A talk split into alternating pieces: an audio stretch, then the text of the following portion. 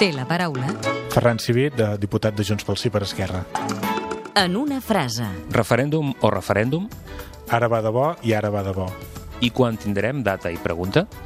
Doncs ben aviat i sobretot serà quan toqui.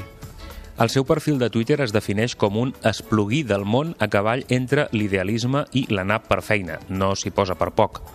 Sí, és és molt metafòric, però realment és així. De, eh, ten- has de tenir claríssim els objectius, però també has de tenir claríssim que si no t'arremangues no ho aconseguiràs. En Ferran Civit, com a exmembre del Secretariat Nacional de l'ANC, ha viscut en primeríssima persona l'organització de les, crec que, quatre últimes diades. Eh, De cervells com el d'ell han sortit la Via Catalana o la V Baixa. El pròxim 11 de setembre, què ens espera?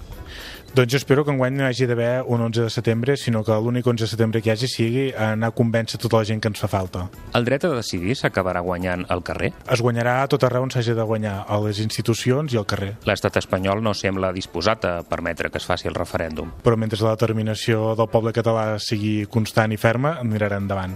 Quina llei li agradaria més aprovar aquesta legislatura?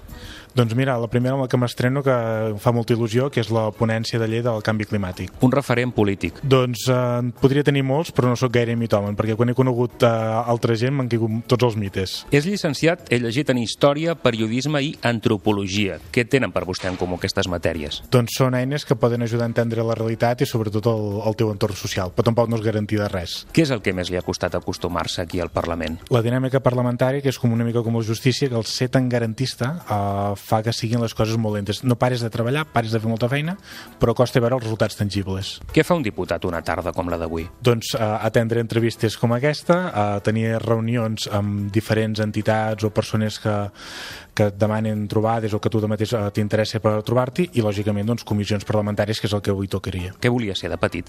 Doncs jo, com de petit, volia ser arqueòleg. És soci d'alguna entitat cívica, cultural... Doncs abans havia estat en moltes més entitats, però que vaig estar en una època que no tenia feina, em vaig donar de baixa i ara bàsicament sóc soci del Club Atlètic Esplugui, sóc soci del Centre d'Història Natural del Concarberà, de d'Òmnium i, lògicament, de l'Assemblea. Digui'ns un defecte seu Moltíssims. Molts me diuen que sóc obsessiu-compulsiu. i una virtut.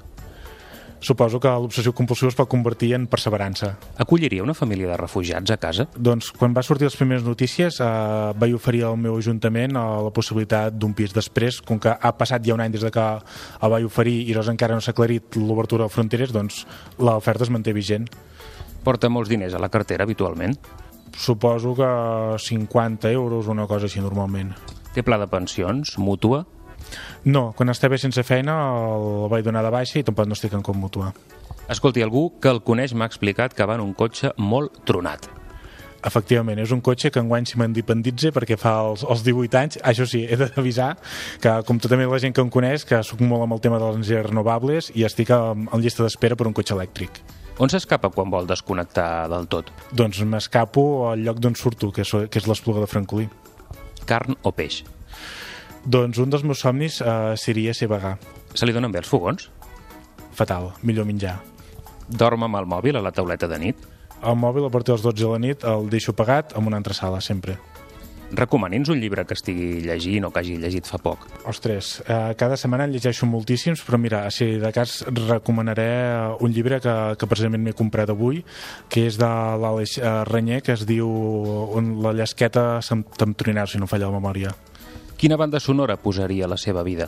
Moltíssimes, però potser escolliria Sigur Ros. Si anem a l'espluga de Francolí, què no ens podem perdre? Doncs moltíssimes coses. Uh, primer, el, el, som la pàtria mundial del carquinyoli, per tant, eh, heu d'anar a bus- a qualsevol de les quatre pastisseries que tenim. Tenim la, la Cova Museu, que és un espai museogràfic fantàstic, i tenim el Museu del Vida Rural. I, no cal dir-ho, tenim el celler que marca la pauta dels cellers modernistes, que jo crec, i espero i desitjo, que ben aviat siguin patrimoni de la humanitat. Hi ha alguna cosa després de la mort? No tinc cap mena de creença religiosa, eh, per tant, no, no, no apostaria ni per, ci- ni per blanc ni per negre, ni idea. I què l'omple més a la vida? Doncs la felicitat de les terceres persones. Quin és el seu màxim anel ara mateix? Doncs mira, abans has esmentat el perfil del meu Twitter i realment seria aquest, eh, la igualtat entre totes les persones eh, i, i espècies de, del planeta que puguin viure i desenvolupar-se lliurement en igualtat de condicions. Ferran Civit, diputat de Junts pel Sí, gràcies per ser avui a l'hemicicle. Moltes gràcies a vosaltres.